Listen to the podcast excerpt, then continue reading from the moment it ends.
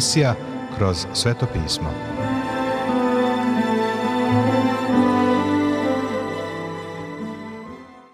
Dobroveče, poštovani slušaoci i dobrodošli u još jednu emisiju programa Kroz sveto pismo, programa koji je za vas napisao Vernon McGee, a pročitao Branko Bjelajac. Želimo vam prijetno i blagoslovljeno slušanje.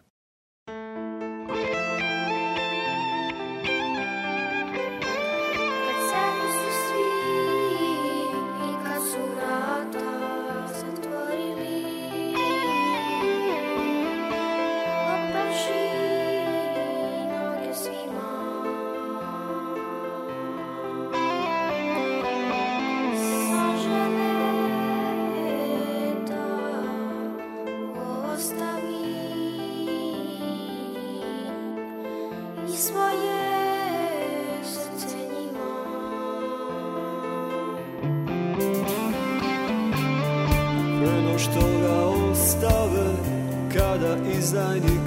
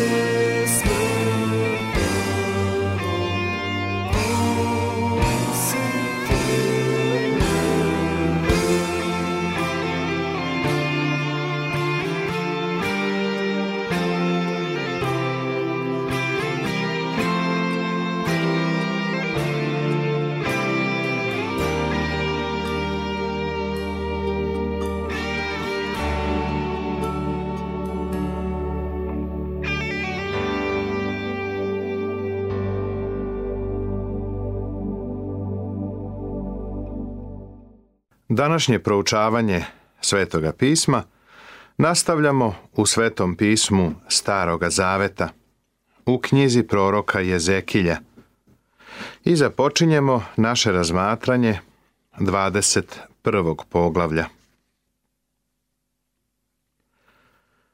Vavilonski car će ukloniti posljednjeg cara iz Davidove loze dok ne dođe Mesija. Važno je proučavati Jezekiljinu knjigu, jer je ona često zanemarivana, a njena poruka je značajna za vreme u kome živimo.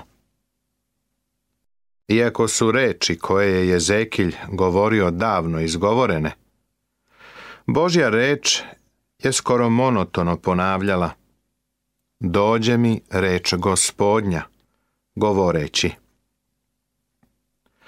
Pošto je ovo Božja reč, ona i danas može da se primjeni na ljude. Liberalni teolozi tvrde da poput otkrivenja ni Jezekiljina knjiga ne može da se razume i da ne sadrži poruku za nas. Jezekiljine vizije su izvanredne. Ja ne želim da kažem da je moja reč o ovome posljednja samo stojim u strahopoštovanju i divim se. U ovom delu knjige susrećemo se sa samom suštinom. Potpuno sam ozbiljan i iskren kada kažem da je Zekilja nije teško razumeti i da je on za nas vrlo praktičan. Poglavlje 21. jedno je od najvažnijih u knjizi proroka Jezekilje, jer otvoreno pokazuje da će Vavilonski car ukloniti posljednjeg cara iz Davidove loze, sve dok ne dođe Mesija. Opet mi dođe reč gospodnja govoreći. Jezekilj će ovo tri puta ponoviti u ovom poglavlju imaš samo jednu mogućnost.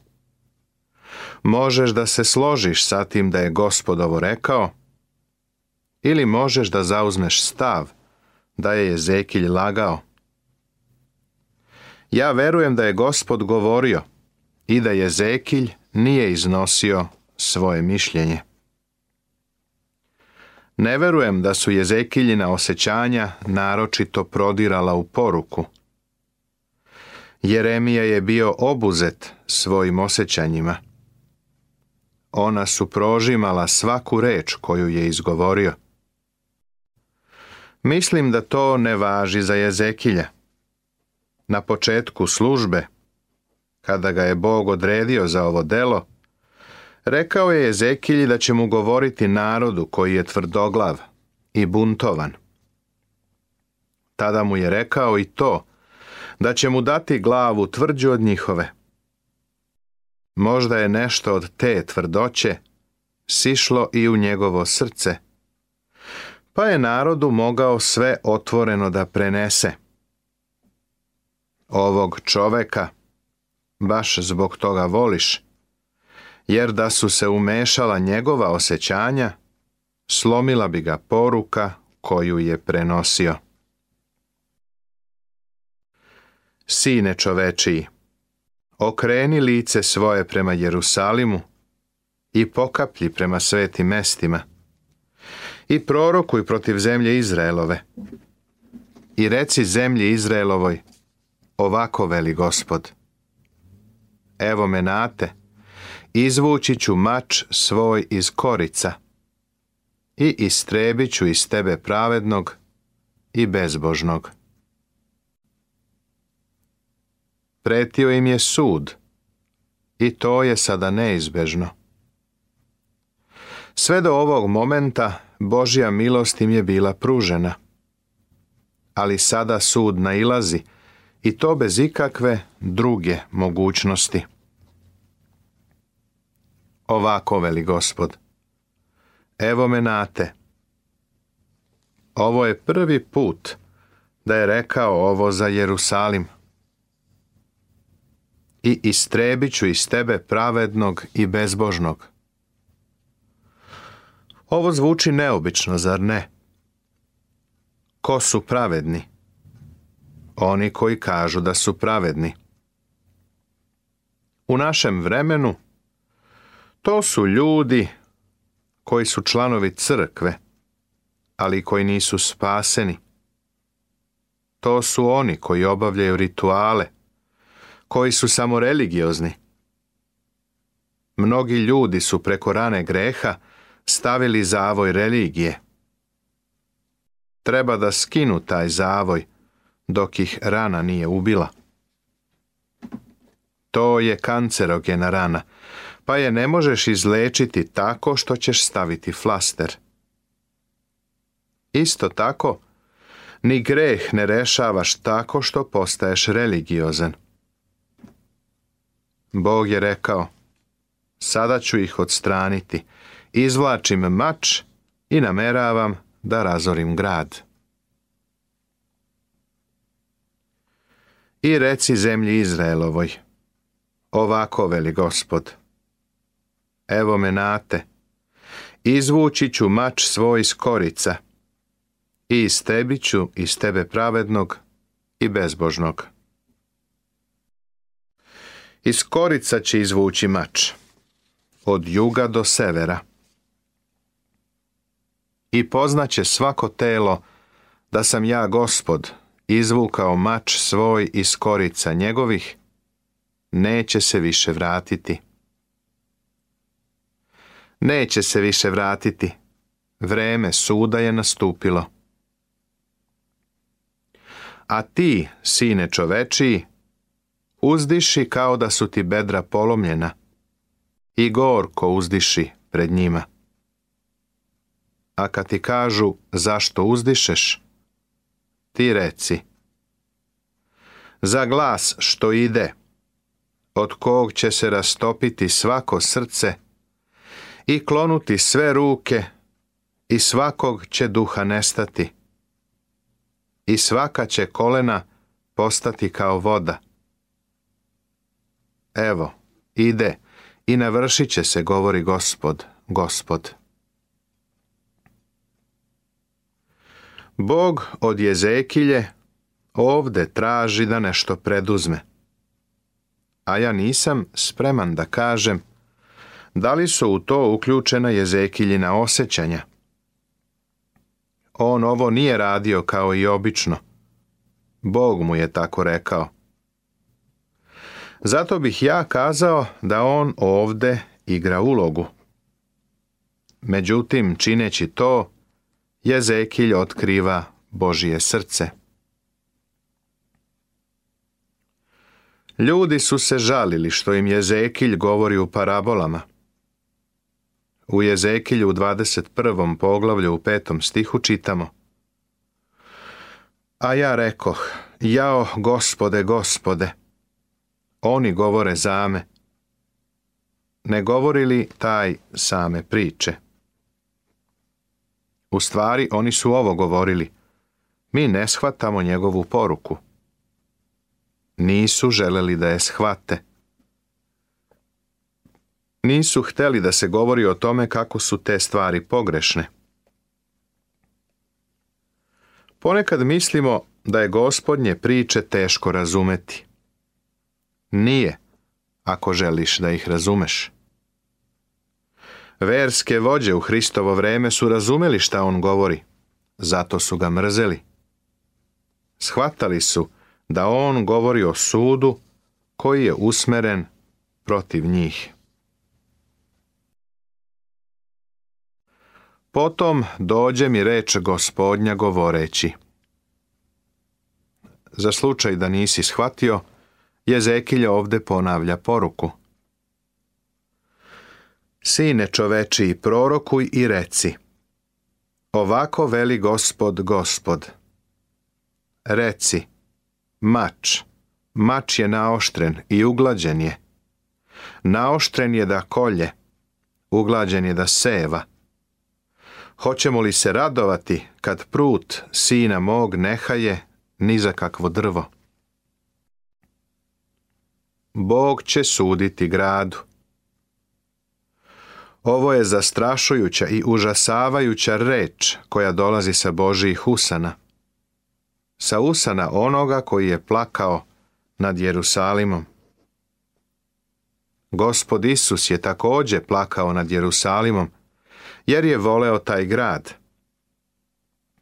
Jerusalime, Jerusalime, koji ubijaš proroke i zasipaš kamenjem poslane k tebi. Koliko puta htedoh da skupim tvoju decu? Kao što kvočka skuplja svoje piliće pod krila i ne htedoste. Eto, ostavlja vam se dom vaš pust, kažu stihovi 37. i 38. 23. poglavlja Evanđelja po Mateju Svetog pisma Novog Zaveta. Dalje Vernon Megi kaže Ako želiš da znaš koliko je strašan bio taj sud, pročitaj šta se desilo kada je Tit Rimljanin došao 70. godine posle Hrista i sravnio grad. Baš kao i Navuhodonosor u Jezekiljino vreme. Bog jasno govori šta će uraditi. Ova poruka nikako nije novost. U knjizi proroka Isaije nalazimo Jer će gospod suditi ognjem i mačem svojim svakom telu. I mnogo će biti pobijenih od gospoda, kaže knjiga proroka Isaije, 66. poglavlje, 16. stih ponovo čitamo. Strahota i jama i zamka pred tobom je. Stanovniče zemaljski, kaže knjiga proroka Isaije u 24. poglavlju u 17. stihu.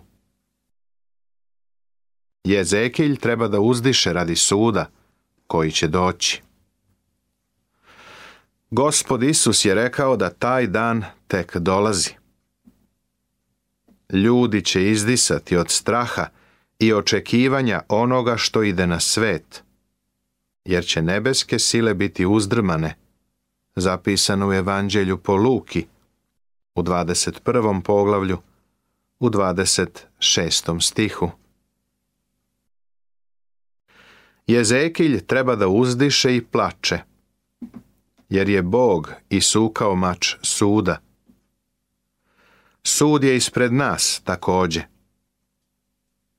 Ovo nije popularna poruka ni danas, kao što nije bila popularna u Jezekiljino vreme. Još mi dođe reč gospodnja govoreći. Veruj mi, on neće dozvoliti da ovo zaboravimo. A ti, sine čovečiji, načini dva puta. Kuda će doći mač cara Vavilonskog? Iz jedne zemlje neka izlaze oba. I izberi stranu, gde se počinje put gradski, izberi. Drugim rečima, Navuhodonosor je želeo da odluči kojim putem da ide na Jerusalim. Misliš li da će se obratiti gospodu? Ne, on je neznabožac. On se služi pogađanjem i nekromantijom. Jer će car Vavilonski stati na rasputici, gde počinju dva puta, te će vračati, gladit će strele, pitaće likove, gledaće u jetru. To su metodi korišćeni u ono vreme, ali su aktuelni i danas. Gladiće strele. Bolje bi bilo prevesti kao rastresaće strele tamo amo. Ovo je bilo kao bacanje kocke ili gledanje u listiće čaja. Bacio bi strele da vidi u kom pravcu će pasti, pa bi tako odlučio sa koje strane da napadne Jerusalim. Navuhodonosor je u potpunosti bio božački car. Međutim, Bog će vladati njegovim postupcima. Važno je da ovo zapamtimo. A ti, nečisti bezbožniče, kneže Izraelov, kome dođe dan kad bi na kraju bezakonje. A ti, nečisti bezbožniče, kneže Izraelov, govori o Sedeki. Kome dođe dan, kad bi na kraju bezakonje. Došlo je vreme za sud. Ovo je kraj vremena. Sveto pismo veoma mnogo govori o kraju ovog doba. Precizan prevod Jezekiljinog stiha bi glasio U vreme zakonja koje je na kraju.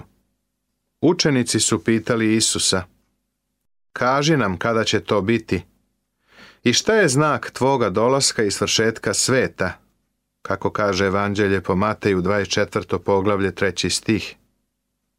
A gospod im je odgovorio na pitanje. Apostol Pavle je u drugoj poslanici Solunjanima također o ovome govorio. Sedekija je znači slika bezbožnog kneza, lažnog mesije, antihrista koji će doći na kraju vremena. Ovako veli gospod gospod, skini tu kapu i svrzi taj venac, neće ga biti. Niskog ću uzvisiti, a visokog ću poniziti. Sedekija će se poniziti i neće biti drugog cara koji će sesti na Davidov presto sve dok Mesija ne dođe. Uništiću, uništiću, uništiću ga i neće ga biti. Dokle ne dođe onaj kome pripada i njemu ću ga dati. Ovo je divno proroštvo dokle ne dođe onaj kome pripada. I njemu ću ga dati. Ovo se odnosi na gospoda Isusa. Od Sedekije sve do gospoda Isusa niko nikada iz Davidove loze nije seo na onaj presto. Jezekilj kaže da niko neće ni moći. Gospod Isus je jedini koji će to učiniti. Upravo sada on sedi Bogu s desne strane i čeka da Bog položi njegove neprijatelje pod noge njegove, kada će doći na zemlju da vlada. Ovo izvanredno proroštvo je počelo još u prvoj knjizi Mojsijevoj, u 49. poglavlju u 10. stihu, kada je Jakov prorokovao o svojih dvanaest sinova, koji su postali dvanaest izraelskih plemena. Tamo je rekao, palica vladalačka se neće odvojiti od jude, niti od nogu njegovih onaj koji postavlja zakon, dokle ne dođe onaj kome pripada i njemu će se pokoravati narodi. Palica vladalačka govori o caru. Dok ne dođe onaj kome pripada, govori o gospodu Isusu. Tako je on predstavljen u Svetom pismu. Zato je Jovan Krstitelj rekao Pokajte se, jer se približilo carstvo nebesko.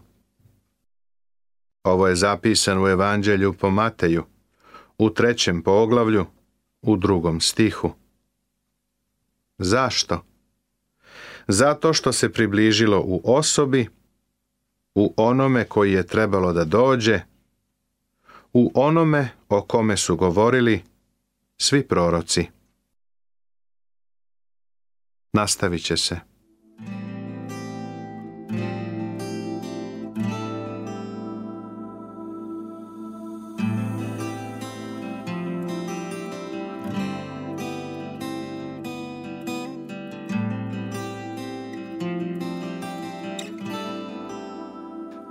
si moje iseljenje, oslobođenje, branič moj moja uteha, ti si čuvar moj, gospodar života mog.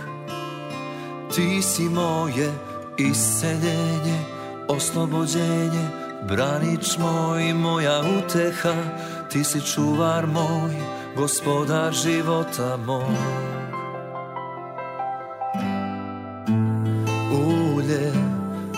U Umesto ruha žalosti On umorno me snagu vraća I seljuje srca slomljena Zarobljenima daje slobodu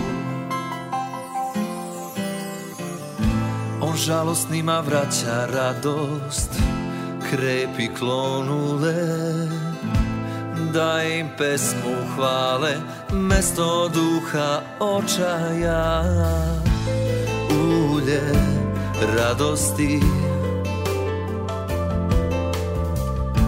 umesto ruha žalosti ti si moje isceljenje oslobođenje branič moj moja uteha ti si čuvar moj, gospodar života mog Ti si moje isceljenje, oslobođenje Branič moj, moja uteha Ti si čuvar moj, gospodar života mog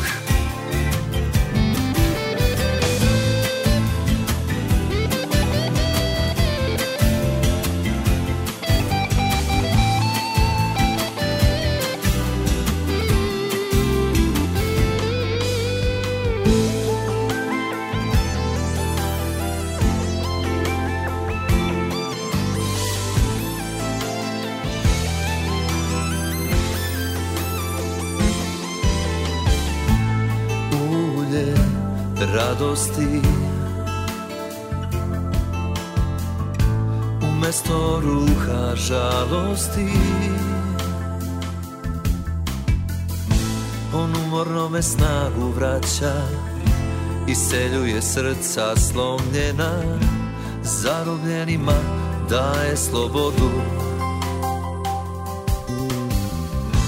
On žalostnima vraća radost Krepi klonule da im pesmu hvale mesto duha očaja ulje radosti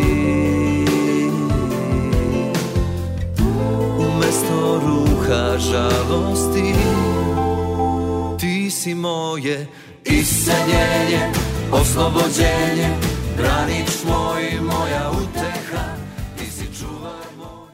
Poštovani slušaoci, završena je još jedna emisija iz serijala Kroz sveto pismo. Ovaj program možete da slušate svakog radnog dana na talasnoj dužini od 1548 kHz u vremenu od 22 sata do 22 sata i 30 minuta. Ukoliko želite da nam se javite, da nas pohvalite ili pokudite, da nam predložite izmene kojima bismo mogli da poboljšamo naš program, ali i da vas nagradimo kakvom dobrom hrišćanskom knjigom, Novim Zavetom ili celom Biblijom. Na raspolaganju su vam telefon, elektronska pošta ili obična pošta. Broj našeg telefona je plus 381 062 396 331. Adresa redakcije glasi Poruke, Poštanski fah 37 11060 Beograd. Elektronskom poštom nas možete kontaktirati na krosvetopismo at gmail.com. Također, pripremili smo vam i web stranicu na kojoj možete pronaći sve naše programe. Adresa web stranice je www.twr.com povlaka serbia.org. To bi za večeras sa naše strane bilo sve. Pozdravljaju vas i žele vam Boži blagoslov Branko, Nebojša i Monika. Laku noć.